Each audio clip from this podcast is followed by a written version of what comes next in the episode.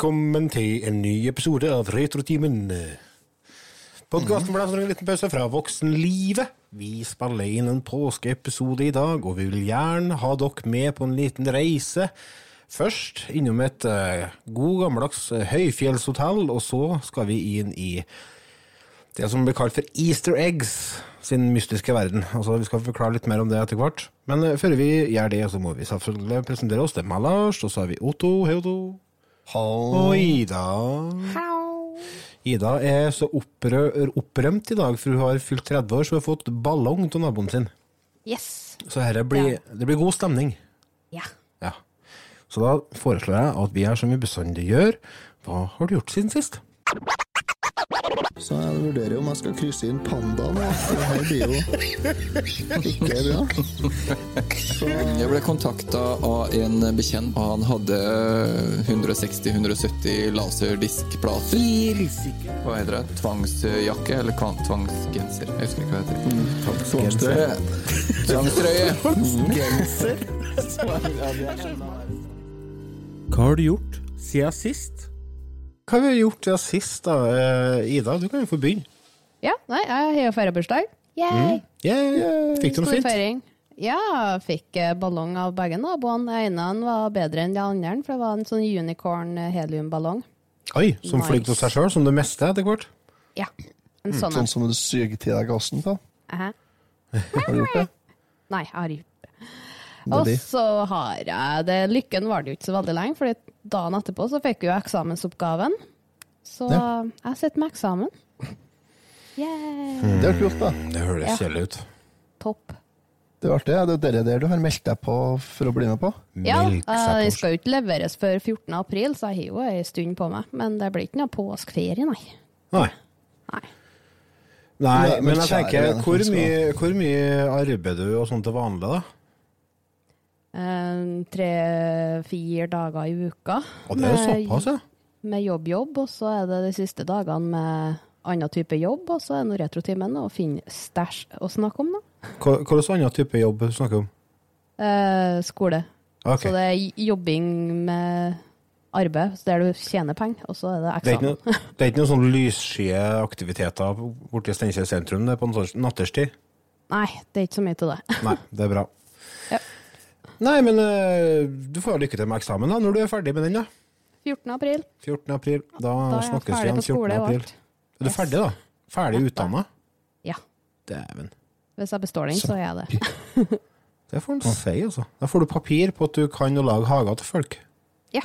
Det blir bra. Nå. Da skal vi ha hagespesial. Du, forresten. det, eh, vi har jo, det finnes jo ei liste, en sånn toppliste som heter Podtoppen, med med en sånn oversikt over de mest populære podkastene i Norge. Og der er det en sånn hagepodkast som irriterer meg. Den ligger, den ligger litt over oss, og den har jeg lyst til å ta igjen. Ja. Så da må, vi, da må vi rett og slett bare ha en hagespesial når du har bestått eksamen. Da skal vi ha TV-spill om hager, og så finnes det et spill som handler om hager til folk. Alt av farming simulatorer, tenker jeg. Jeg er jo utdanna gartner fra frøstadiet til salgbar plante, så For en rar setning dere var. ja. Jeg har aldri hørt den setningen før. Det var faktisk prem premiere på setning. Hele greier. Ja, jeg er jo utdanna agronom fra frøstadiet til, til ferdig solgt eh, produkt. Da. ja Til til ferdig sådd. Ja. Så har kan kløft seg. Han har kløpt seg. Jeg så det faen meg, ja. Så hva netten ble. Ja, han var nydelig. Det går ikke an å ha hestehale når du er så gammel kjerring lenger. Nei, det, det, det er problemet. Otto, hva har du gjort siden sist? Vet du, jeg har ikke gjort noen ting. Jo, jeg har det. Jeg, jeg har sendt vekk kjerring og unger. Uh, Mm. Ja. Sånn apropos lyssky aktivitet. ja, sånn apropos koselig, si. Trivelig. Så nei da, eh, de har dratt en tur på hytta til svigers, har de. Så jeg er hjemme alene nå i hele helga. Ja. Oi, oi, oi. Ja. Yay. Så i går kveld så fikk jeg besøk av en kompis, og så gikk vi inn i kårstua og satte oss, og så drakk vi litt øl. ja. Deilig. Så jeg har drukket litt øl. Og så det som var litt artig, at han ringte og vekket meg i morges. Han har gått hjem i natt, han, ja. gått hjem. Det er ja, det er ikke så langt, men uh, ja, det er noen kilometer, altså. Ja. Det er det. Så Nei, for jeg hadde jo plutselig kommet bort. Du skjønner, jeg gikk og la meg, for at jeg, jeg, det vet jeg at dette henne går ikke lenger. Jeg må gå og legge meg. Så jeg gikk og la meg, og da har han gått hjem, da. Hadde han. Ja. Jeg trodde han skulle ligge over på sofaen, men nei, han har funnet ut at han skulle gå hjem. Så han ringte og vekket meg i morges, da. Og var ikke i form, og det var ikke jeg heller. Jeg skjønte ikke hvor jeg var hen eller nå når han ringte. Oho, såpass? Men det var nå bare å hive seg opp, da, ut og gjøre fjøs. Mm. Og etter ja, kvarter i fjøset, så kjente jeg at da begynte jeg å lette, og da var, da var det greit. Så da var jeg i form igjen. Jeg så det syns ikke det er greit, det. Ja, det det beste. Da ringte han en gang til, og så sa jeg ja, går det bra? Kom jeg ut, sa jeg. Nei, han eh, var på tur ut. Ja, sa jeg. Ja. Hvordan er formen, da? Nei, ikke så bra, altså. Sa han. Det er ikke helt topp, nei. Nei.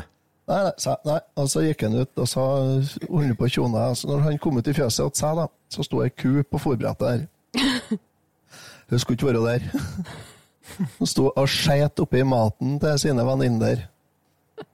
Og da hørte jeg Torstein bare Nei, faen. Åh. Og så ble det lagt på.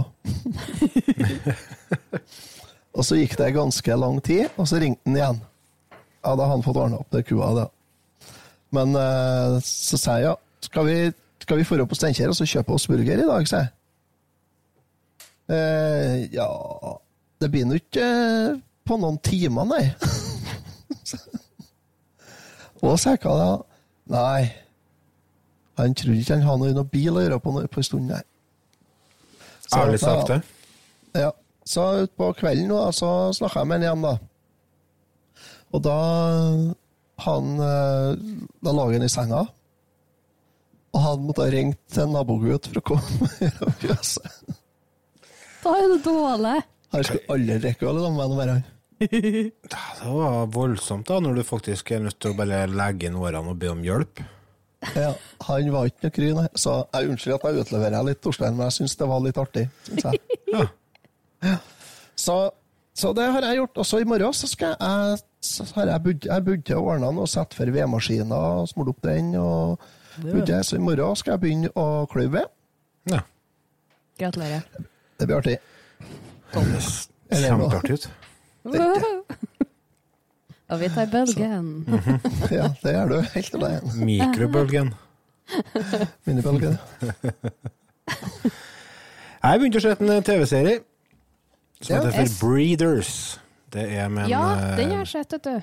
Ja, Martin Friedman og Daisy Haggard. Martin Friedman, Freeman er jo kanskje Mange kjenner kanskje han som Bilbo Baggins. Dr. Watson. Dr. Watson, ja. Og det er jo for så vidt. Ja. De, det er, handler om et uh, s- foreldrepar som har småbarn, Ja. og med de utfordringene det fører med seg. Da. Uh, I den første episoden så handler det om at ungene de, hadde ligget og sovet i en totimersdop til besteforeldrene. Så det ble ikke noe nattesøvn når de kom hjem. I tillegg så hadde han ø, gutten i familien Han hadde vært på som brannøvelse på skolen, så han hadde fått helt noia for brann. Så de, det starta med at de, de må ta skift på å være opp med ungene, for ungene sovner ikke, vet du, og de er jo helt ferdig. Og ja, det utarter seg, da. Ender opp med, altså Egenskapen på visa i første episoden er at mora tror at faren har drept ungene. Jeg må begynne å se den serien. Ja, vet du, jeg har sett, tre episoder, og jeg flirer bra av meg, altså. Og jeg tror at denne serien har veldig potensial til å bli mye bedre etter hvert. Sånn Hvor den at går, eh, Den går på HBO Nordic. Det har jeg selvfølgelig ikke. Og så har jeg Nei, ellers har jeg ikke gjort så mye. Jeg har på gjort en del research til episoden som vi skal Som vi holder på å spille inn. Ja. Som vi skal ta neste uke. Ja, som vi skal ta neste uke, ja. Nei da, så det, det har jeg gjort. Ikke så veldig spennende, men eh, litt artig er det. Vi skal, vi skal gå videre i planen, og videre i planen så står det at vi skal gå over på det som er ukens film.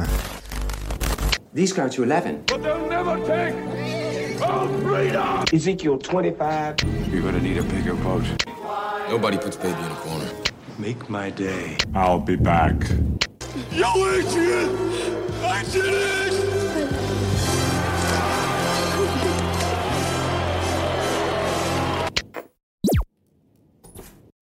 Kom til fjells, høyt mot skyen. Her er lettere å gå, og himmelen er blå. Kom til fjells, reis fra byen. Hurum hei, høyfjellshotell. Ja, jeg skal hilse snøene fra dem jeg som blir liggende langflat inntil de kommer. Kom til fjells, opp på vidda. Her er ryper og regn bak hver stein. Det var en liten smakebit fra filmen Fjols til fjells, som kom ut i 1957. Regissert av eh, ei dame som heter for Edith Kalmar. Det er jo da Norges første kvinnelige regissør. Og i perioden fra 1949 til 1959 så laga hun ti filmer som spenna ifra mørke sosiale drama til lette og lyse komedier. Den første kom i uh, 49 og het For døden er et kjærtegn, og var Norges første film noir. Det er om, uh, en film om seksuell makt og klasseskiller. Og det var jo selvfølgelig en skandale å gi ut i 1949, så den ble jo da òg selvfølgelig nekta visning i Kristiansand, bibelbeltet. Og når den filmen skulle ha premiere i Oslo, så var det en fyr som trua med å skjøte regissøren. Så den, er ja. ja. Vi er Verden har ikke kommet langt, altså. Nei da, den er egentlig bare akkurat, akkurat sånn plassen som den bestandig har vært. Det er bare det at nå får vi med oss alt via internett. Det er 72 år siden. Ja. Siste filmen hun laga, kom ut i 59 og heter Ung flukt. Det var debuten til Liv Ullmann som skuespiller, eller i hvert fall som hovedrolleinnehaver. Ja. Der er blant annet ja, danser litt striptease og styrer på, så det ble jo litt leven. Ja, det ble litt leven til den filmen òg. Selvfølgelig. Så hun Edith der, hun var ei dame som ikke var redd for å røske litt i det etablerte. Men uh, Fjols til fjells, som vi skal snakke om i dag, den fornærmer nok ikke den mest kristne og moralske blant oss en gang. En film som ble elska til publikum, men rakka ned på av kulturvitere og media. Perfekt. Ja, ja det, det bruker å være et godt utgangspunkt. Mm. Veldig ofte når jeg, jeg blir nysgjerrig når jeg ser uh, folk- filmer som får dårlige karakterer i media. Ja. Ja, i hvert fall hvis det, hvis du det som samtidig har bra seertall, og folk flest skryter av dem. Ja, sant? Fordi at det er noe med det der at uh, Ja, jeg, jeg ser ikke på meg sjøl som noe mer enn folk flest, egentlig. da. Så det er filmene og sånt som folk flest liker, de liker ofte jeg òg. Ja, jeg er litt der, jeg òg. Ofte, ja. Ja, altså, det er jo selvfølgelig unntak. Men, eh, men det at Men når kultureliten skryter av en film, da blir jeg mer skeptisk. ja. Ja, for da er som regel eh, noe som er vanskelig å skjønne noe mye av. Da er det litt kunnstått, og det, det trenger ikke å være positivt. Det kan, være, det kan være kjempebra, men det kan jo være skikkelig miss. Rett over hodet. Det kom en film for noen år siden uh, som handla om ei kvinnelig bokser. Uh, jeg tror den var regissert av han Dirty Harry, kan det stemme det? Clint Eastwood. Ja, han, ja, det kan være det. Det skal ikke jeg si for sikkert. Fikk fire Oscar eller noe sånt. da. Oi. Og den ble skrytt opp i skyene. Ja. Jeg så den i lag med frøen min. Ja. Det var ikke makkverk av en film, altså. Uff da. Den var dørgende kjedelig. Såpass? Ja, det var Og da tenkte jeg ja, se her, ja. Sånn blir jeg når de vinner sånn Sånn Oscar for beste sentimentalitet og sånn. Og, og beste Piss. bakgrunnsvegg. Men sånn og Da da er ikke Nei, det blir ikke. Det var, Så, det var nei, ikke den kvinnelige rocken som du hadde håpa på. eh, Og så langt derifra. De fokuserte ikke så mye på action, det var mer fokus på følelser og ja, pjatt. Eh, ja, han Clint Eastwood han er jo hundgammel, begynner å bli sånn. er jo sikkert Til og med han blir jo følsom i voksen alder. Ja, Han må begynne over 100 år Ja, snart. han er jo sikkert 150. Ja. Ja. Ikke noe langt unna. Han var jo steingammel i Dirty Harry-filmene. Ja, på 70-tallet. Ja. Så, men han lager han, Jeg har sett en par filmer av han som har vært veldig bra. Så Ja da, for all del. Men akkurat den eh, Jeg hører jeg skal ikke se den, da. Nei, jeg kommer ikke hva heter for noe. gjør? Men det er ikke så nøye, for det er ikke den vi skal snakke om. Vi skal snakke om uh, fjols til fjells. Eller som den heter på Island, fjolsur til fjellur. Her er, Det er så koselig. Ja, her er en film som Hva heter det på engelsk? eh, Fools on the Mountain, tror jeg. Ja. Manuset til denne filmen ble skrevet av Kallen til regissøren, nemlig Otto Kalmar. De hadde jo dette filmselskapet i lag som var med å lage alle de filmene. Og det bygga på et såkalt lystspill som heter for Bare jatt Men, som var skrevet av Sverre Bevre og en kar som heter for Bias Bernhoft, og det er da pappaen til Unni Bernhoft, som spiller ene hovedrollen i denne filmen. Ja. Unni Jarle Bernhoft. Bernhoft. Jarle Bernhoft er sikkert oldebarnet. Sikkert. Det er jo, eh, det er jo en eh, såkalt eh, forveksling... Nei, hva heter det? Forviklingskomedie, det her. God gammeldags film med masse forviklinger.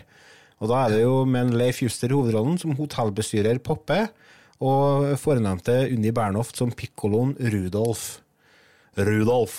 Det er Rudolf. faktisk verdens beste navn, det. Rudolf. Ja, R- R- Rudolf. Ja. det er det. Su spiller jo da mannlig pikkolo her, ja. Vi gjør det. Hun er in disguise. ja. For å se forkledning. Ja, for å se hvordan han eh, Poppe egentlig driver dette hotellet som heter for Hurlumhei høyfjellshotell.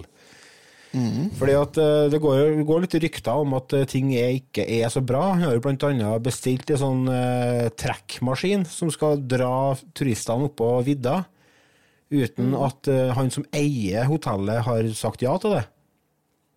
Ja. Så det, da han eh, hun uh, Rudolf, hva heter det egentlig i den filmen? Hun, hun spiller jo dattera til han hotellsjefen. Uh, Ruth, er det? Ja Men hun drar i hvert fall til hotellet. Har du under blusen din, Ruth? Ja, det er en annen liten sak. Uh, du, liten sak her før vi begynner ordentlig med filmen, er jo at jeg nevnte jo at Liv Ullmann hadde sin debut i filmen Ung flukt fra 1959. Men hun har faktisk en liten statistrolle i Fjols til fjells. Vet dere det? Nei, Fun fact. har ikke jeg sett. Nei, hun er statist, altså. Jeg tror faktisk det er ganske tidlig i filmen. Jeg har ikke sett det sjøl, jeg har bare lest det. Så jeg har sett denne filmen ganske mange ganger, men aldri har aldri kikka etter Liv Ullmann. Ja, Får gjøre det neste gang. Jeg skal gjøre det. Eh, er det noen som vil eh, ta for seg historien litt kjapt? her? Hva det er som på en måte er grunnlaget for disse forviklingene? Forviklingene. Ja, jeg kan ta den eh, litt kort, jeg. Ja, gjør det. Ja. Ja. Uh, Hurlumhei fjellhotell har uh, fullt hus til påsk. Og så kommer det en berømt uh, norsk skuespiller og skal ta inn på hotellet. Uh, like før han kommer, så kommer det en ugleforsker Ja. som er kliss lik han berømte filmskuespilleren. Teddy Winter heter han skuespilleren, da. Og det byr da på litt forviklinger, da, i og med at han eh, Poppe ikke klarer å se at det er to forskjellige. Ja, Det er jo ikke bare Poppe som ikke ser det. Det er jo ingen på det hotellet som ser det. Ikke, kvinnfolk, ikke den kvinnfolkene som han eh, skuespilleren driver og, og flørter med. Og, nei, det, det blir jo bare tull og tøys. Ja. Så da blir det litt sånn Og så når han ene er totalavhold, så han andre er glad til en dram og en røyk, så blir det litt uh, begge deler. Og så er det noe med lydpotter på bilen at han Vinter. Ja. Ja, Så han han, kjører, ja, han kjører jo bil. Han er en av de få Ja. som faktisk kjører bil på det hotellet, for det, det er jo på 50-tallet. det var jo- Bil var jo ikke allemannseie. Nei. Og han uh, ugleforskeren, han har iallfall ikke noe bil, nei. Nei. Så han blir jo styggæren når pappa driver og maser om dere eksospottene. jeg, jeg har et lite klipp som vi kan spille her. Fordi at uh, Han driver og maser om dere potter gjennom hele filmen. Og han øh, hva det, ornitolog blir jo bare, han, ja. blir bare mer og mer grinete. Og her uh, skal dere få høre et lite klipp. Jeg kan fortelle mer om det etterpå. Unnskyld, jeg forstår ikke Jeg mener, eh, de sitter ikke, de sitter ikke nede i baren nå? Selvfølgelig ikke. Jeg har jo sagt dem at jeg ikke drikker. Nei, du gjør det ikke, nei. Nei, nei da, det er, nei, det er min feil. Da, da. Er ikke de riktig frisk? Nei, jeg er visst ikke det. Ja, da bør de gå og legge dem. Nei, jeg legger meg ikke med hvem som helst. Eh, Jeg mener for hva som helst. Men med det samme jeg har dem de. eh, Hvordan er det, var det egentlig med den lydpotten? Neimen, gi deg nå med denne lydpotten deres, da! Det er ikke noe å bli så hissig for. Dessuten har jeg da krav på å få en ordentlig beskjed. Pappe! Men den eh, får vi da eh, Det er jo han eh, ornitologen og eh, godeste Poppe som har en liten dialog der eh, Se meg, er det ikke riktig frisk? Nei, jeg er visst ikke det. For han begynner virkelig å tvile på sin egen uh, sanity, altså uh, uh, mentale mentale helse. For han ser jo dobbelt. Han, altså, folk kommer og går. det, er liksom, det, han, det ender jo opp med at han faktisk prøver å stenge ut han ornitologen ut fra Ja. hotellet med å låse døra. I et desperat forsøk på å klare å dempe disse hallisene. Men da kommer jo selvfølgelig Teddy Winter opp fra baren, da. Det er godt, lett å se at dette er basert på et teaterstykke. Ja. For det er liksom på en måte en samling med møter og artige dialoger. Ja, det, det, er jo en, det er jo en farse utspilt på film. Ja, det er det. Så det handler jo om å sende skuespillere ut og inn dører, og ut og inn av scenen. Det er det jo. Det er jo den fjerde mest sjette filmen i Norge, det her. Hva er det? Kødder du med meg? Jeg visste den var den mest sjette i 1957, men uh... Det er den fjerde mest sjette filmen i norsk uh, filmhistorie. Oi. Jeg er Og spent er på førsteplass. Flåklypa. Sikkert. Det vet jeg ikke. Eller Bølgen. Ble ikke den så vanvittig populær, da? Max Manus, kanskje, eller den Nei, det er jo ingen av de andre, men sikkert en gammel en. Flåklypa, sikkert. Ja.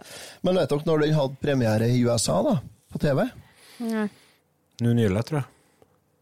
Tror du det? Ja. 22. oktober 2020. ja. Åh. Jeg mente jeg hadde vært borti det.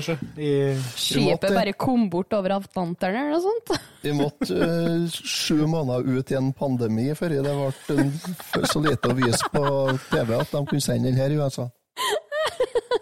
Da har de lite å gjøre. Ja, tenker jeg. De, de viste den på Turner Classic Movies Channel. Ja.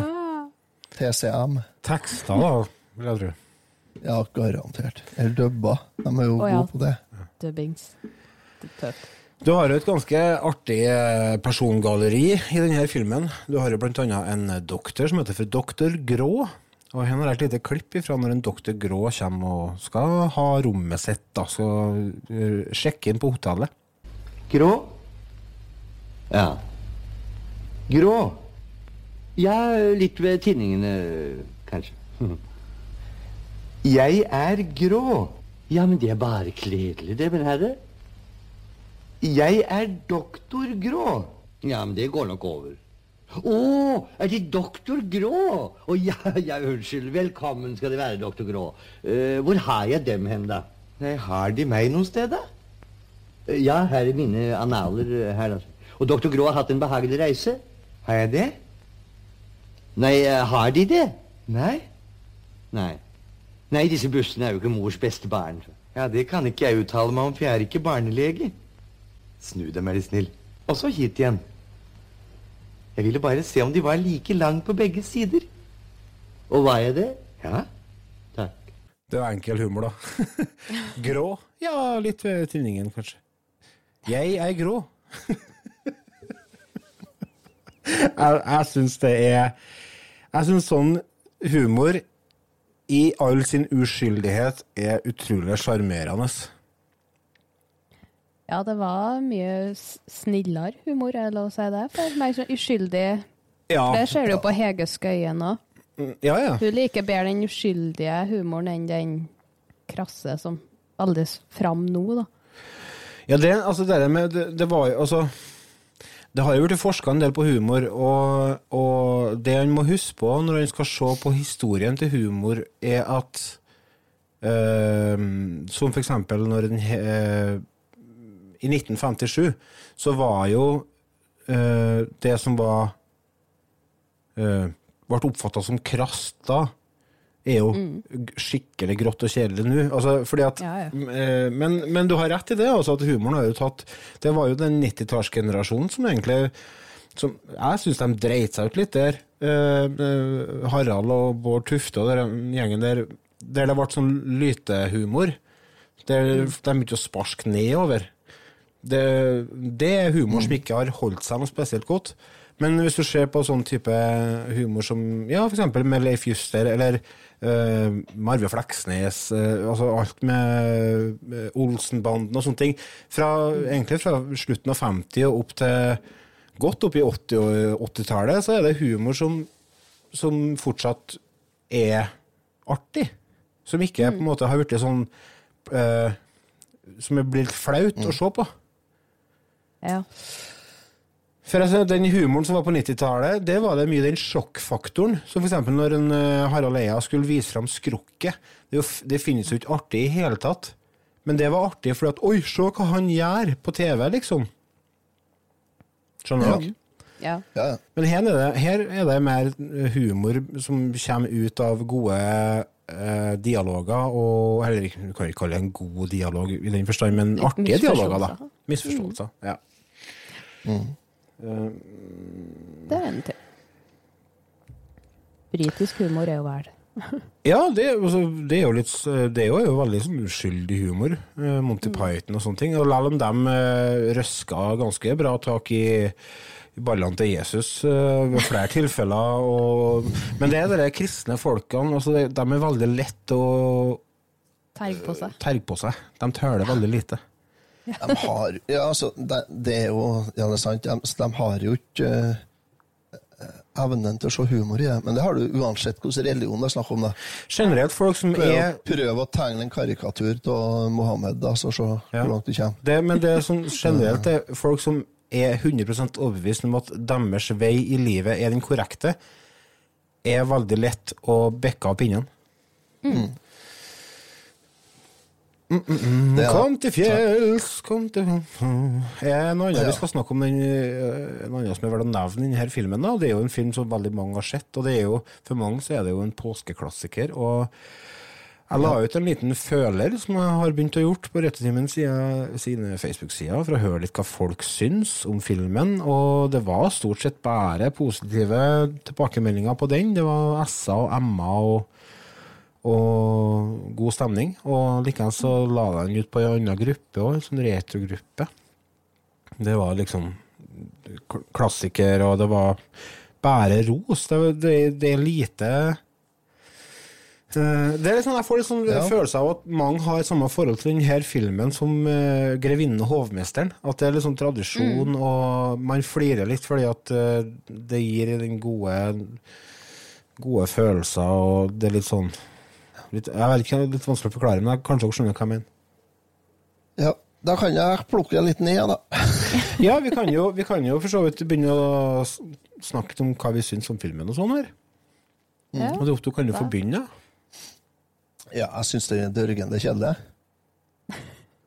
uh, jeg syns ikke den har uh, Altså, jeg skjøn- skjønner det at filmen var bra når den kom, og at humoren passa i sin tid, og, og at det var bra da. Men den har ikke holdt seg, syns jeg ikke. Jeg syns det ble kjedelig, men uh, kom meg gjennom den. Og, og Silje hadde aldri sett hele filmen. Hadde ikke det.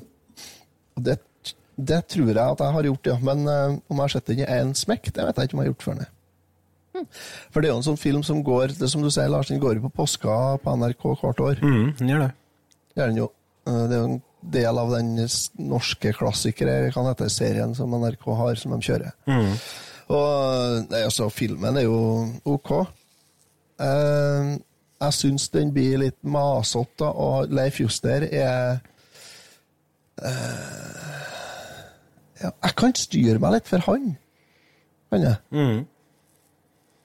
Så, så det er, men det er jo masete, og det er jo Men jeg, jeg skjønner jo hvilken betydning og sånt den har hatt for filmen og humoren i, i sin tid, men den eh, det, Jeg tror ikke du får noe mye ungdommer til å sette seg ned og se ferdig den her, altså. Nei, men du er ikke ungdom, Otto. Nei, men jeg er heller ikke 90 år gammel. Og det tror jeg du bør være. Du er nesten, du er nesten så gammel at du nesten var født når den her kom ut, da. Eh, nei, ikke i hele tatt, og det bærer jo preg av òg. Altså, det er jo eh, Filmen er sikkert steinbra og en vinner på Eldresenteret, men uh, ikke for min del, nei. Så her er Jeg har karakteren klar, jeg kan jo gi den med en gang òg. Ja, bare det. Han får en, uh, han får en noen pluss. Ja. Gjør den. Eh, jeg kommer ikke til å se den igjen. Uh, gjør jeg ikke. Nei. Ida, Nei, Ida det var ikke, ikke bra.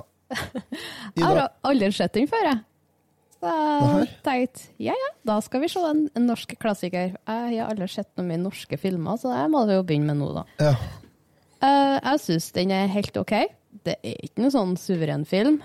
Uh, jeg tror kanskje hvis den har vært på et teater, så ville jeg dratt og sett den igjen, men jeg vil, tror ikke jeg kommer til å se filmen igjen. Nei. Men det er fine karakterer, fin humor. Eh, så jeg vil gi den en M. Ja. Bare sånn midt på treet. Helt grei. M er nesten beste som er. Jeg tror, jeg, Nei, vi må er ta G, li- G er ment. jeg tror vi vil også ta en liten prat om det karaktersystemet, for du, du hadde ikke en karaktersystem når du vokste opp.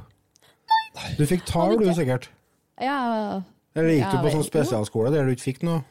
jeg fikk ingenting. Jeg fikk sånn gullstjerne. Ja, sant. Du fikk stjerne i margen. Yes. Nei, eh, G jeg mener. Midt på treet. Ja, en G. Ja. Eh, Da har vi gått fra noen pluss til en G. Mm. nei, som sagt, altså, jeg liker denne filmen eh, veldig godt. Jeg synes det er Det har blitt en litt sånn påsketradisjon for min del. De siste ti årene, egentlig, så har jeg sett den veldig ofte i påsketider. Og jeg er veldig glad i, eh, i den humoren. Jeg syns den, eh, den har Jeg syns det er veldig sjarmerende. Og um, jeg får veldig sånn feeling av Det her er sikkert motsatt, det jeg skal si nå. Fordi at jeg ser veldig mye Marve Fleksnes i Leif Juster. Jeg Mm. tror en Wesenlund var veldig inspirert av en Leif Juster. For du ser f.eks. i de eh, scenene der det klikker for en Poppe. Det er som å se at når Fleksnes får eh, meltdown. Og jeg elsker Fleksnes, så alt som minner om Fleksnes, det er gullet godt for min del. Og så er det med dere en, person, verdens, Norges lengste komiker, Såre Håpetaug. Det er verden M i boka mi, altså. Det er så bra. det. Altså det uttrykket i ansiktet hans og mimikken hans. Det er han som, det er han som ber filmen. Uh, for sånn, Hvis en skal se veldig enkelt på dette, her, så er det en veldig enkel film. Det, det er en farse, som du sier. og men uh, på grunn av hans innsats så, gjør, uh, så blir dette en film jeg syns er kjempebra. Så hun får en rein M ifra meg. Ja. Ja. Vi skal ta en kjapp liten pause, og når vi kommer tilbake, så skal vi eh, ut på eggjakt.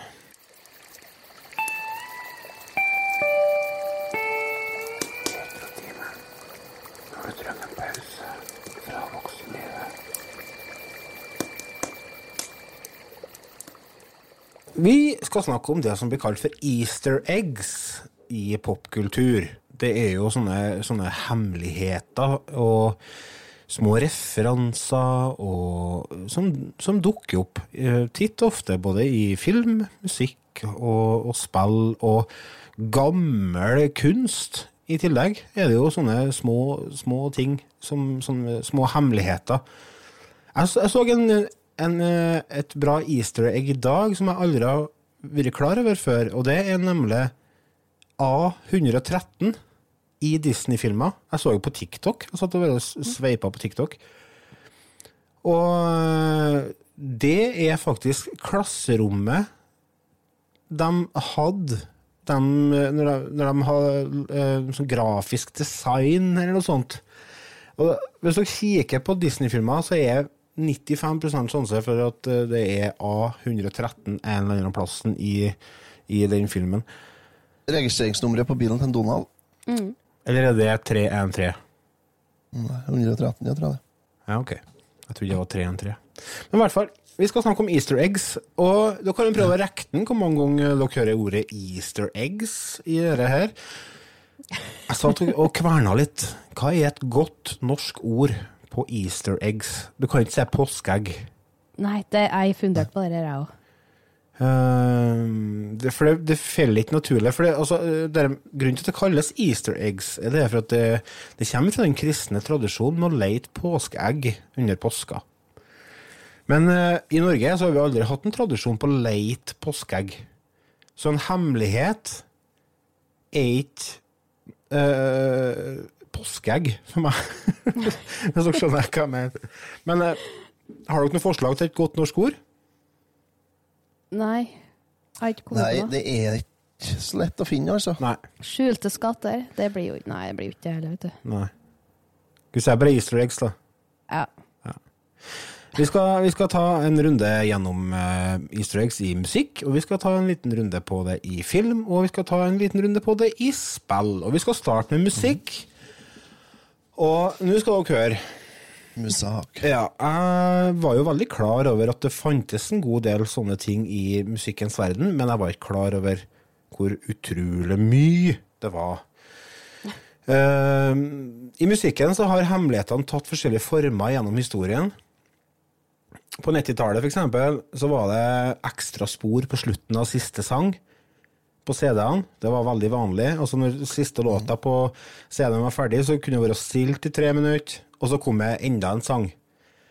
Og det, er jo, det var veldig utbredt. Altså, Alle fra ABBA til ACDC og Green Day og Aerosmith og en hel haug med andre artister benytta seg av det.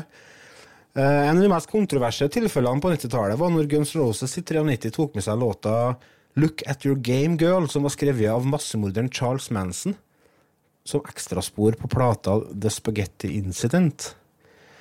Og det ble jo en del styr, fordi at eh, for det første så mente jo folk at dette var helt usmakelig gjort, noe som for så vidt er innafor. Men eh, mange var også veldig redd for at Manson skulle få masse royalties fra det salget av Spaghetti Incident. Men eh, heldigvis da så gikk eh, det pengene til en kar som heter for Bartek Frykowski, som var sønnen av et av ofrene til Manson. Eh, et annet eksempel på skjørdspor eh, eh, som jeg skal få et lite lydklipp av, det er et band som heter Mr. Bungle. På Ja. deres plate Disco Volante så la de til en Ja. ekstra låt på samme spor som låta Carry Stress In The Jaw. Den skulle være hemmelig, ikke bare for fansen, men òg for bassisten i bandet. bassisten i bandet han har ikke fått noe beskjed om at resten av bandet har spilt inn enda en låt som de skulle ha med på plata. Men han fant ut det rett før plata skulle mikses, og vet du hva han gjorde da? Han la vokal på låta. Jeg skal få høre en liten, eh, liten snutt fra den låta.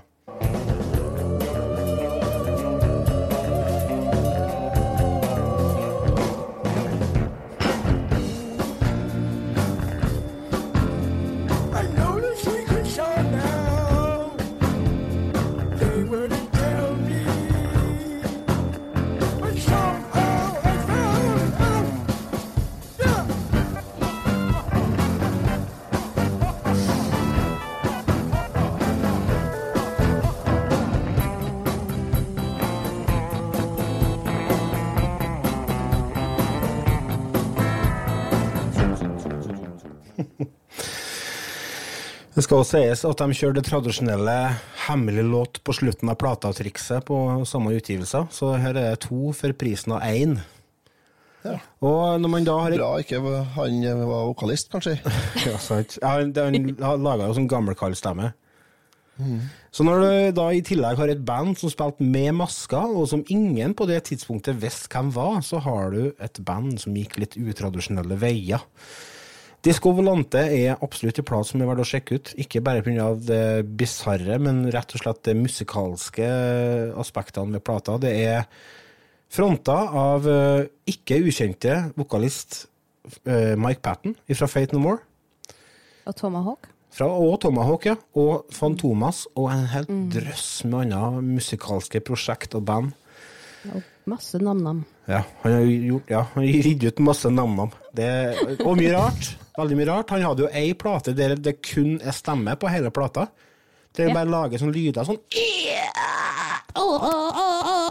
Sånne ting på hel Er ikke 174 minutter den varer? Ja, det er helt vilt. En annen variant med, med sånn easter egg på CD, det var et skjult spor før første spor på plata. Da måtte en sette på første sangen, og så måtte du spøle tilbake. Eh, Et norsk band som har gjort dette på to av sine utgivelser, er det norske bandet Motorpsycho fra Trondheim. Eh, På deres plate fra 96 som heter Blizzard, så hadde de skvisa inn en særdeles merkelig sak med navnet Jazz på trønska. Det er ei låt på ni minutter med tremologitar, piano og masse lydeffekter. Og så hadde de i hemmelig spor på den nydelige oppfølgeren som kom året etterpå. Plata heter Angels and Demons Will Play, og det hemmelige sporet heter Oms Concerto for alto og en soprano så. Sag. Ja, sag. Eh, den låta har jeg ikke hørt. Um, jeg tror jeg hopper greit over det. Motorpsycho er et nydelig band, men uh, av og til så kan jeg styre meg for de mer eksperimentelle greiene deres. Andre band som benytta seg av det trikset der, er, det er mange av dem, men Muse, Offspring, REM, Queens of the Stone Age og masse andre band. En annen variant med, av sånne easter eggs, men som ikke var mulig på CD, men den ble gjort øh, noen gang på plateutgivelser, var det som heter for double grooves. Uh, når du spiller av i plate, så setter du nåla nedi et, et eh, spor på plata som den følger. Og når de laga sånne plater med double grooves på, så var det to sånne spor som gikk parallelt på sida av hverandre. Denne teknikken uh, har jo selvfølgelig Motorpsycho og Mr. Bungle lefla litt med, men dere skal få et uh, eksempel som jeg syns var dritbra. På topplista mi, for jeg ordna en liten sånn topp fem-liste på slutten av det her. Den type musikalske easter egg som kanskje er mest myteomspunnet, er sånn såkalt backmasking. Uh, det fungerer sånn at du spiller inn en beskjed, og så snur du opptaket sånn at du får baklengstale. Et uh, godt eksempel skal dere få høre en. Det er fra bandet Pink Floyd, og det er låta Empty Spaces uh, fra plata The Wall. Først så spiller jeg den rett vei, og da er den sånn.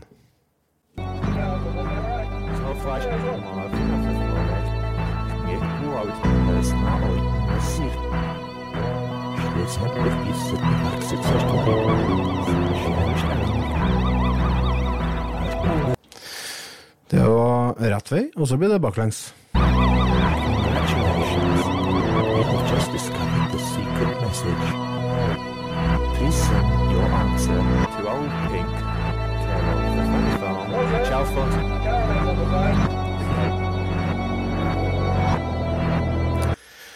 Det er en godeste Roger Waters som sier følgende Congratulations, you have just discovered the secret message. Please send your answer to Old Pink, care of the Funny Farm, Chalfont.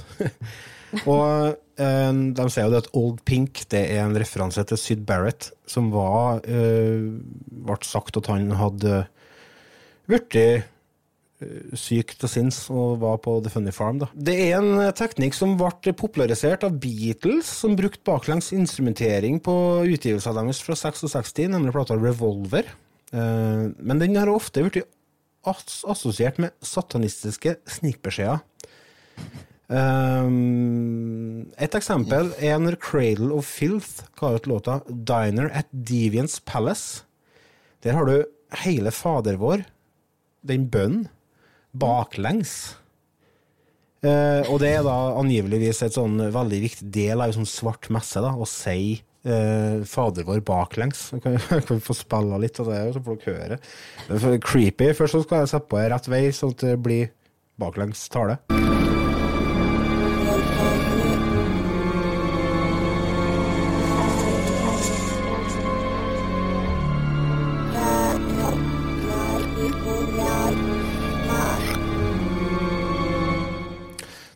låta rett vei, og så blir det baklengs.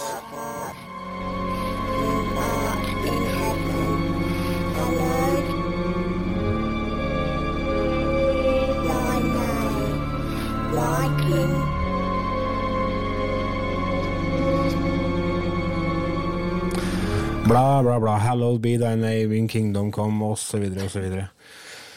Cradle of filth der, altså. Eh, akkurat de greiene der tok jeg litt av, og det, det er nok mye tilfeller sånn Hvis du leter lenge nok, så finner du det du vil finne, ute og går. Eh, det ble blant annet sagt det at eh, i Stairway to Heaven så ble det synget 'Here's to my sweet Satan'. Og i uh, Another One Bites the Dust av Queen så er det, blir det sagt 'It's fun to smoke marijuana'. Du skal legge godvilja til, for å si det sånn. Eh, Et eksempel på tilfeller det tok litt av, er når den godeste Richard Ramirez, en uh, innbruddstyv som òg for så vidt var pedofil, voldtektsmann og seriemorder, påsto at ACDC sin musikk hadde inspirert den til å ta liv. Da nærmere bestemt låta Night Prowler. Det ble påstått at låta Highway to Hell hadde baklengsbeskjeder i tillegg. Og det ble sagt mm. blant annet My name is Lucifer, she belongs in hell, I am the law, osv. Angus Young, gitaristen i ACDC, uh, responderte på følgende måte. You didn't need to play the album backwards because we never hid the message. We called an album Highway to Hell. There it was right in front of them. det er en jævlig bra måte å se på. Så nei, det er mye rart. Eh, Men altså, man kan ikke snakke om easter eggs i musikk uten å nevne eh, en myte som går ut på at Paul McCartney er død. Eh, Men det, det er for mye å nevne her. Men det går ut på at eh, Paul McCartney daua i ei bilulykke på 60-tallet, og ble erstatta med en vinner fra en sånn look-alike-konkurranse med navnet Billy Shears. Men gjør et kjapt eh, Google-søk, eh, kjære lyttere, Beatles, Paul is dead. Det er veldig artig lesing. Ja. Der, Der snakker vi den snakker vi eh, alt ifra baklengsbeskjeder i musikken til masse hint på platecover og masse, altså. Det var mye hasjrøyking på slutten av 60-tallet. Det var nok mye av mye, da. Ja. Var det nok. Ja.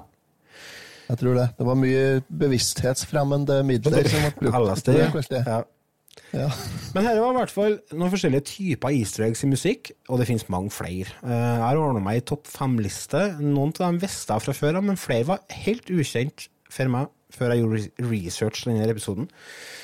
Her er de fem kuleste easter eggsene jeg har funnet fra musikkens verden. Og den lista her er selvfølgelig ikke subjektiv i det hele tatt. Nei da. Vi starter på femteplass.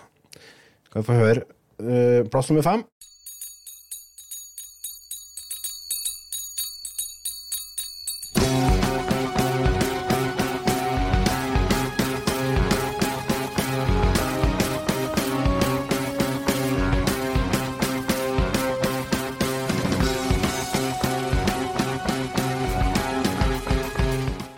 Fly passerer flyplasser i lufta, så mottar de en sånn transmitterkode, sånn at pilotene skal vite sånn cirka hvor man er hen, og sånn at man kan dobbeltsjekke at instrumentene på flyet fungerer godt.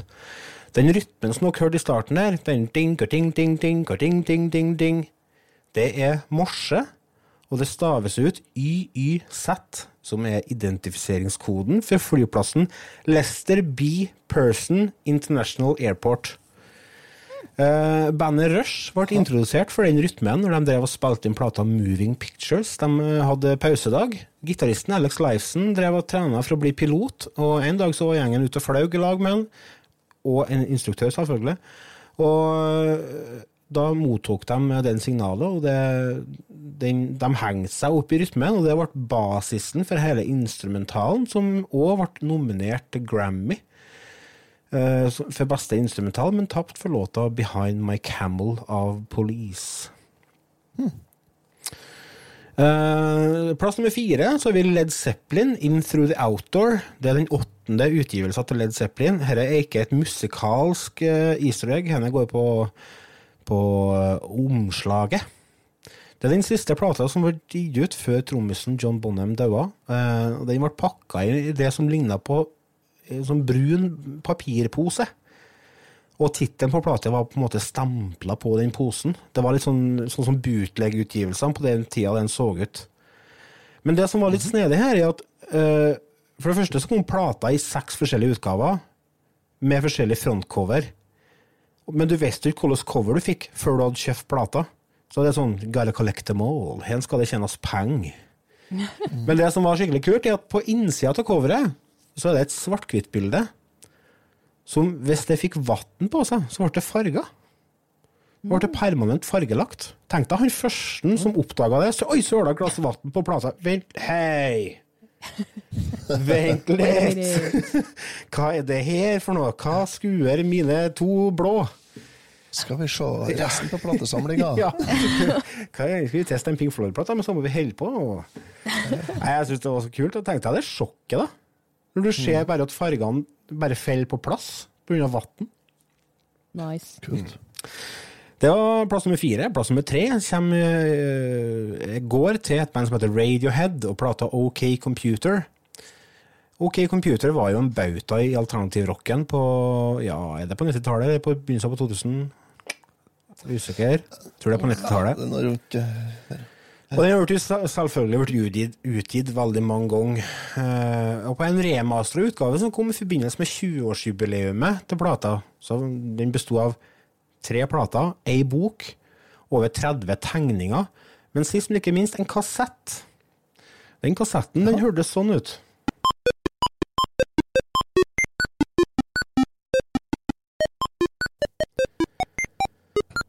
Bra låt. Nydelig. De som var ja, få høre. De som var blodfan av Radiohead, de visste jo kanskje det at en del av lydeffektene på OK Computer ble lagd med den engelske datamaskinen ZX Spektrum. Og kanskje var det den kunnskapen som gjorde at en person en dag valgte å kjøre den kassetten inn i en kassespiller og kobla den til ZX-en. Resultatet var det som eh, var et lite program som ble kalt for Radiohead. Og det var rett og slett en beskjed til fansen som dukka opp på, på skjermen. Og den beskjeden var følgende Inside your computer are Og så ramsa de opp navnet på alle medlemmene. Og til slutt så det datoen for når programmet var laga, som var seks måneder før den originale releasedatoen til plata. Men ikke nok med det. Det var til og med et lite easter egg inni easter egget. For med svart tekst, på svart bakgrunn selvfølgelig, så sto det følgende beskjed. Congratulations, you have found the secret message. Syd lives. Hmm. We should get out more. Jeg tenker Det er selvfølgelig da, et lite nikk til uh, den Pink Floyd-beskjeden som var litt lenger opp her, og Syd Barrett. Uh, det var plass nummer tre. Og så kommer vi til plass nummer to. Uh, og da er det uh, gode, nydelige gjengen i Monty Python.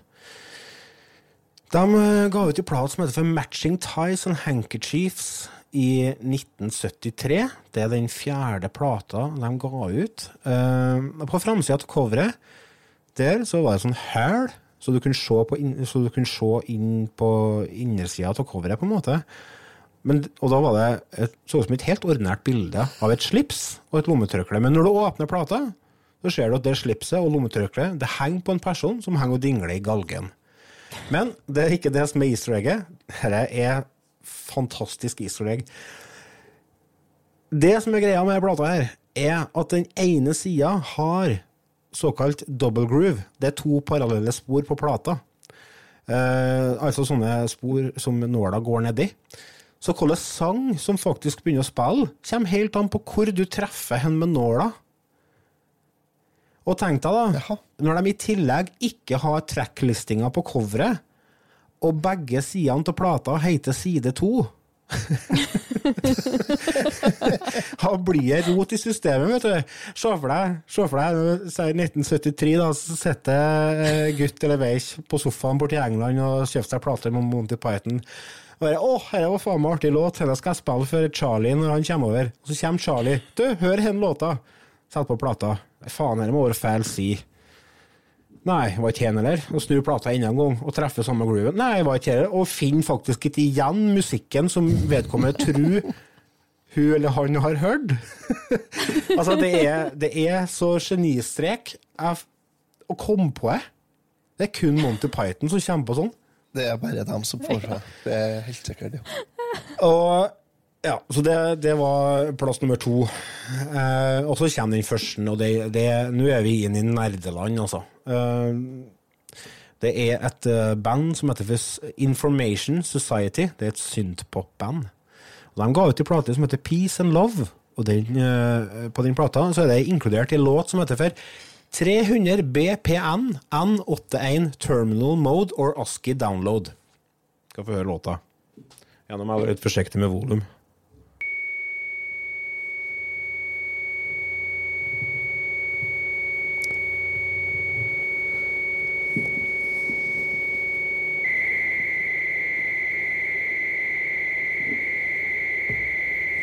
Trenger ikke å spare noe mer.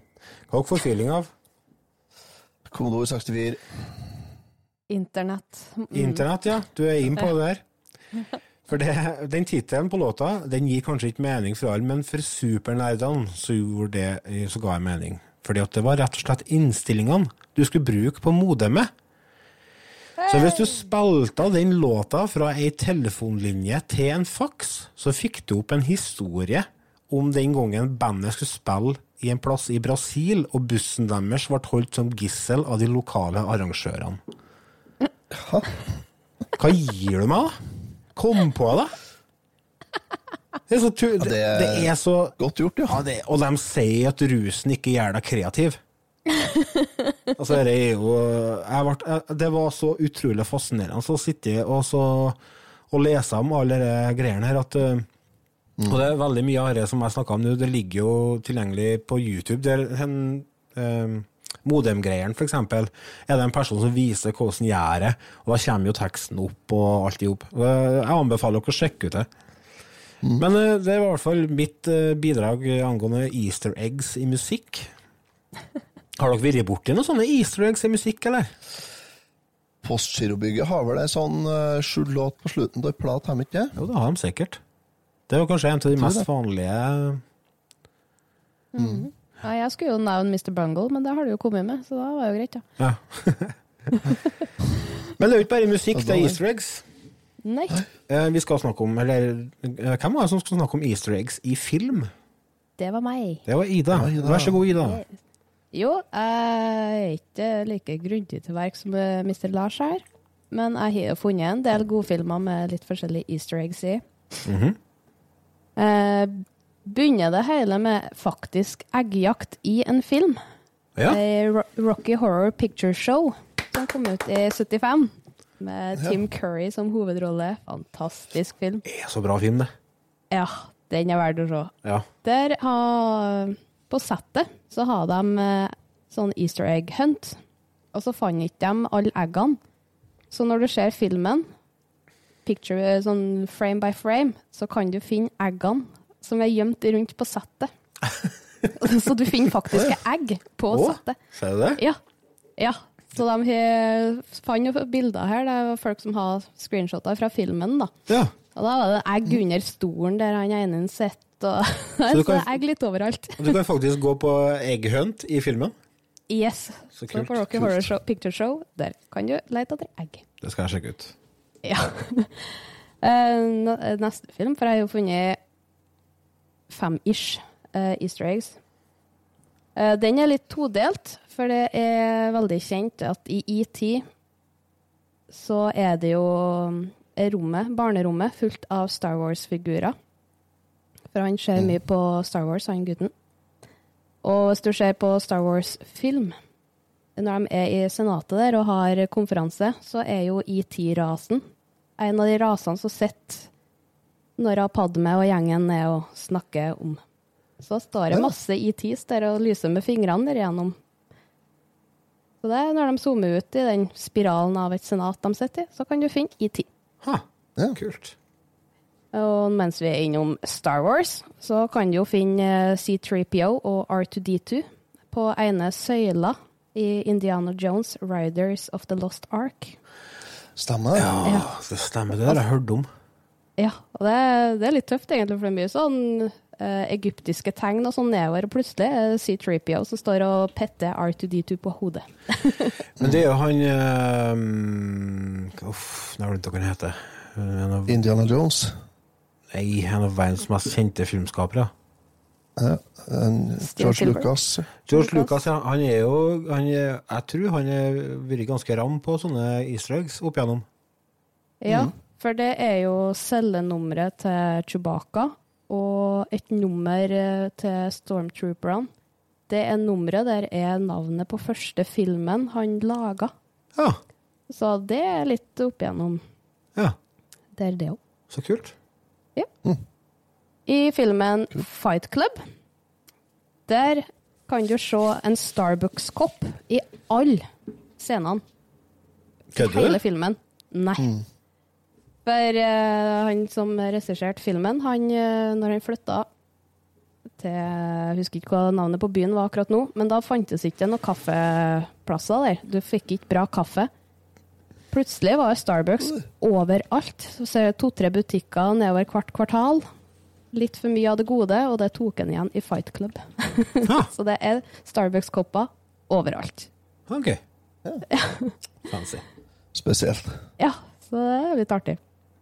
Eh, Disney er jo veldig kjent for masse easter eggs. Men den jeg syns er litt artig, er i Toy Story 3.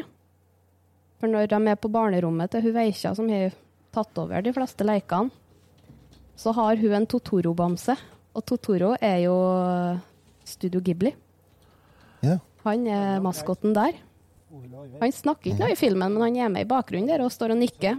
Og det håper jeg egentlig er et sånn lite kjennetegn mellom at Ghibli og Disney jobba delvis i lag en stund. De kjente i hvert fall av hverandre enn eh, Walt Disney og Ghibli. Skar er jo med i Hercules òg. For når Hercules står og skal bli mala på ei potte, så er Skar fra Løvenes konge som er den løvekappa han har på seg. Ja. Og så har jeg en liten Marvel eh, Marvel treat. Marvel treat. Ja. Uh, Stanley er jo med i alle filmene, til og med de animerte. Det er jo enkelt å kjenne igjen, for det har blitt snakka mye om. Mm. Men en uh, Nick Fury, uh, som blir spilt av sjølveste Å, oh, datt navnet bort. Jeg skrev jo opp. Ja. Ikke Samuel L. Jackson? Jo, det er det han, ja. ja. Eh, For i Captain America, The Winter Soldier, Mm. der på slutten der, så står Nick Fury foran sin egen grav, for han dør jo i den filmen. Spoiler! Much, much, much spoiler. Og hvis en leser på gravstøtta, der står jo her Nick Fury, så er det det samme bibelverset som han uh, sier i Pulp Fiction. Ezekiel 25, 17. The path of the righteous man is beset on all sides by the inequities of the selfish and the tyranny of evil men. Blessed is he who, in the name of charity and goodwill, shepherds the weak through the valley of darkness. For he is truly his brother's keeper and the finder of lost children. And I will strike down upon thee with great vengeance and furious anger those who attempt to poison and destroy my brothers. And you will know my name is the Lord when I lay my vengeance upon thee. Så det står på grava til Nick Fury. Så Det tøft. er tøft. Det var kult. Ja. Mm. Pulp Fiction. En av verdens beste filmer. Ja, det er jo fantastisk.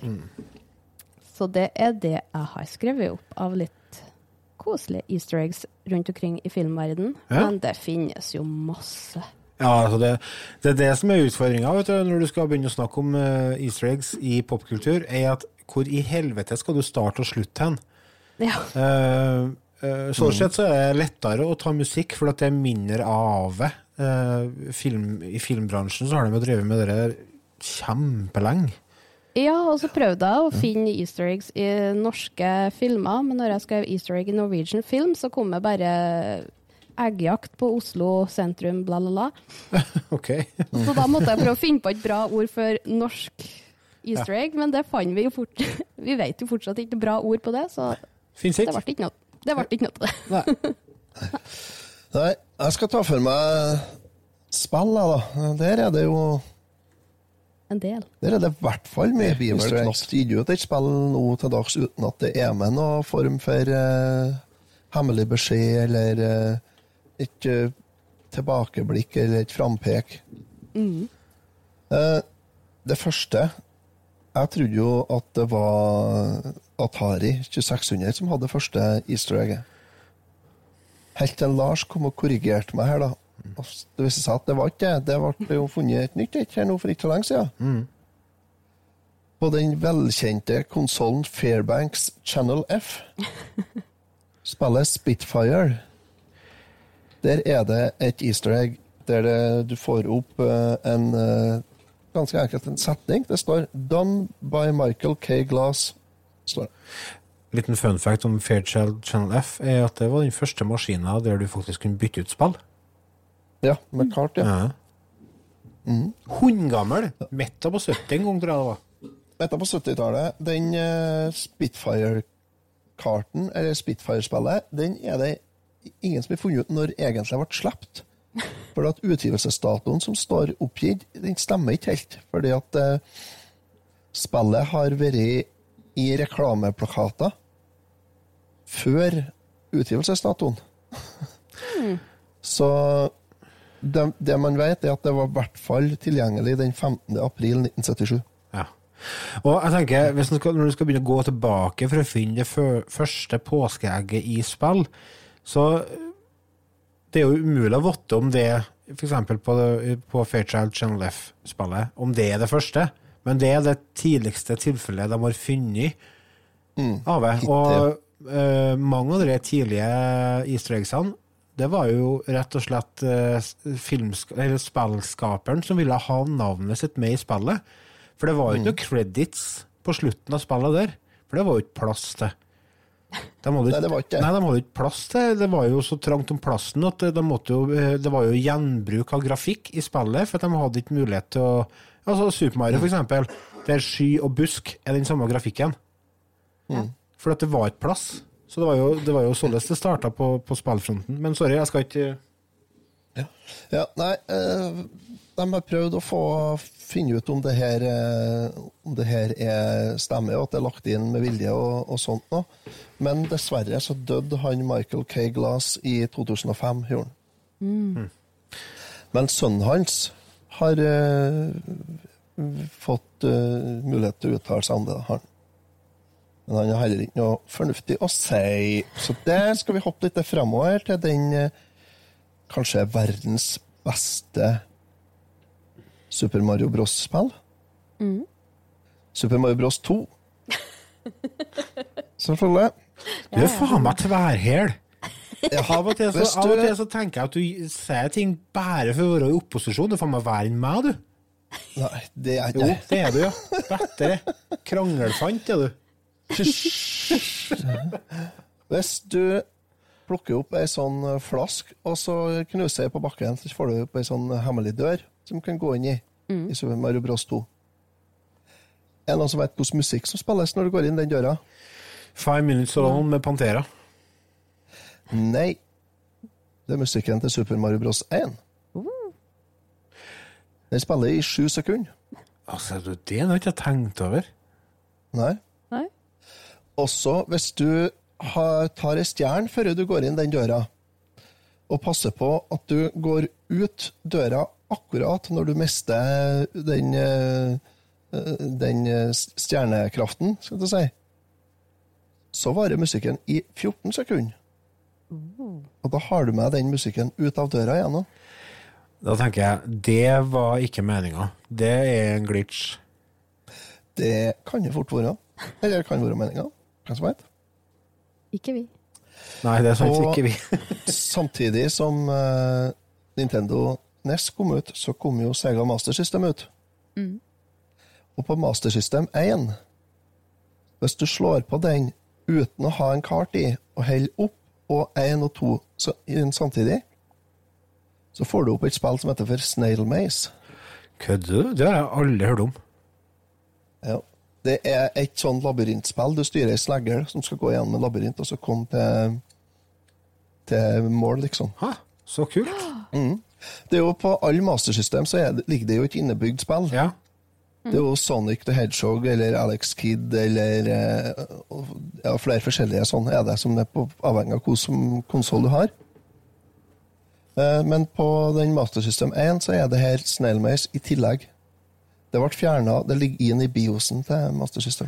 Det ble fjerna når Master System 2 kom. Men ble hvorfor ble det lagt inn? Er det, var det, er det bare Ble det lagt der de, de drev og testa ut hardwaren, eller var det, er det meninga det skal ligge den? Det er meninga at det skal ligge der, at det, er, det skal ligge der som en liten belønning til den som eh, tester ut konsollen. Så kult, da. Det er Mm. snedig. så. Ja, huska du å fjerne sp- testspillet vårt? Fader! Ja, ja, 90 000 folk som finner ut det der, bare Å, Esten er gæren! Jeg, har test- jeg har fjerna spillet, ja. ja, ja. Mm. Der, ja. Ja, ja. Ja, ja, jeg gjorde det, ja. Og hvis det er det, så er det i hvert fall ikke min feil. Nei. Vi kan jo hoppe litt framover i tid, da. Så kommer vi til Super Nintendo. Mm. Super Mario RPG, det har dere spilt? Ja. Ja. Der er det ganske mange easter eggs. Jeg har tatt med bare noen få her jeg nå. Du har en Link som ligger og sover til den ene senga på ene hotellet, skal jeg si. Eh, litt lenger ute i spillet så ligger Samus, altså hun, hovedpersonen i Metroid, ligger og sover til ei seng. På et sånn hotell, et sånn gjestgiveri.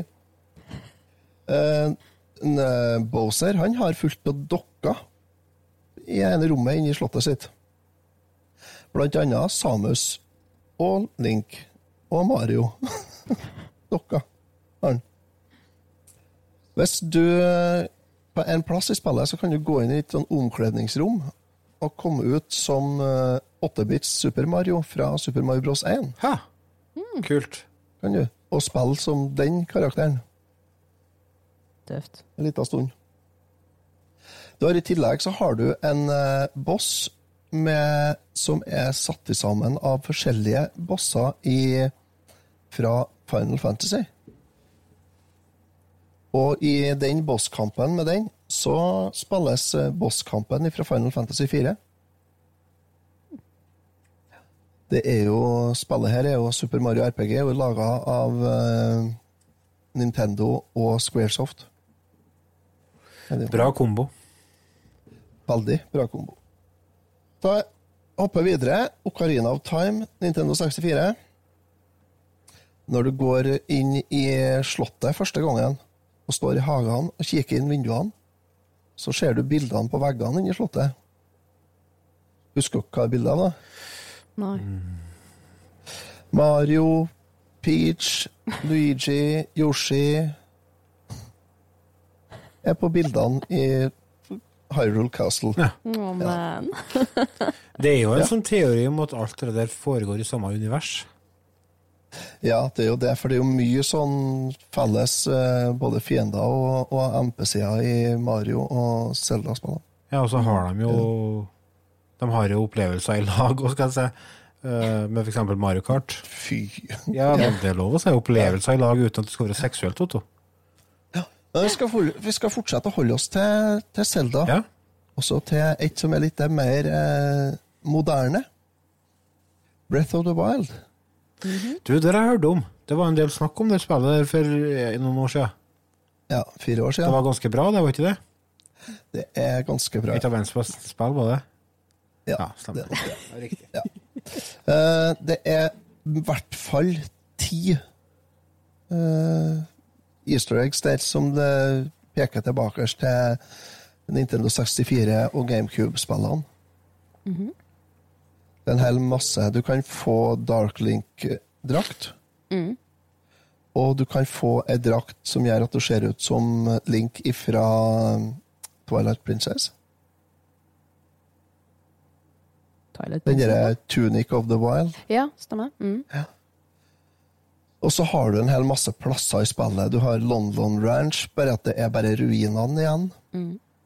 Du har um, Og den derre øya som er i um, Link's Awakening. Nei, jo, det er den det jo når du lander på ja, den øya uten noe våpen. Ja, ja, ja, ja, ja, stemmer. Og så har du den eh, øya ifra ifra Twilight Princess. Ytterøya? Ja, det er noe sånt den heter, ja. Noe sånt, ja. Så der er det, men i, i ja. Men vi kan ikke begynne å gå inn på alle easter som er i Breath of the Wild, for det er pakka fullt av dem. Men gå og så sjekk det ut, for det er veldig mye fint der. Mm. Mye går på det at du må Når du kommer til en plass, så må du skru opp lyden høyt. Så hører du en sang fra et gammelt Zelda-spill. Sånn svakt. Kult. Så, så det Jeg tror vi bare sier god påske, for nå må vi runde av. Ja, var du ferdig? Jeg er ferdig. Um, ja, nei, men eh, lite Lite tips til dere lytterne, hvis dere som jeg Før vi runder av her, ta så søk, søk opp Wilhelm Scream. Ja. Det er kanskje en av de mest eh, ikoniske easter eggene i filmverden i hvert fall. Det er et eh, skrik som ble eh, brukt i en film på 50-tallet, og har blitt brukt i over 400 filmer i ettertid. Altså, når du hører den lyden, du får Du kommer til å Ja, selvfølgelig. Det var den lyden, ja, den har jeg jo hørt før. Og når du har hørt den, så legger du merke til den overalt. Hele fuckings tida, altså. Den er overalt. Den er i tegnefilmer, den er i TV-spill, den er overalt. Og det starta jo faktisk ikke bare med den filmen fra 50-tallet, men det var første gangen det ble gjenbrukt, tror jeg faktisk var i første Star Wars-filmen.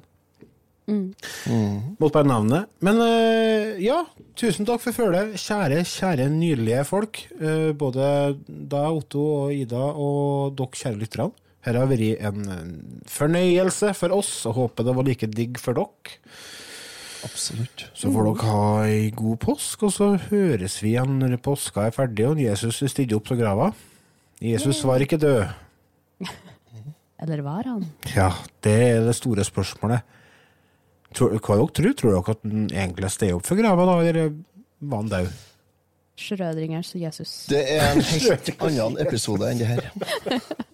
Det har du rett i. Nei, men greit. Takk for oss. Ha det. God God påsk! God påsk.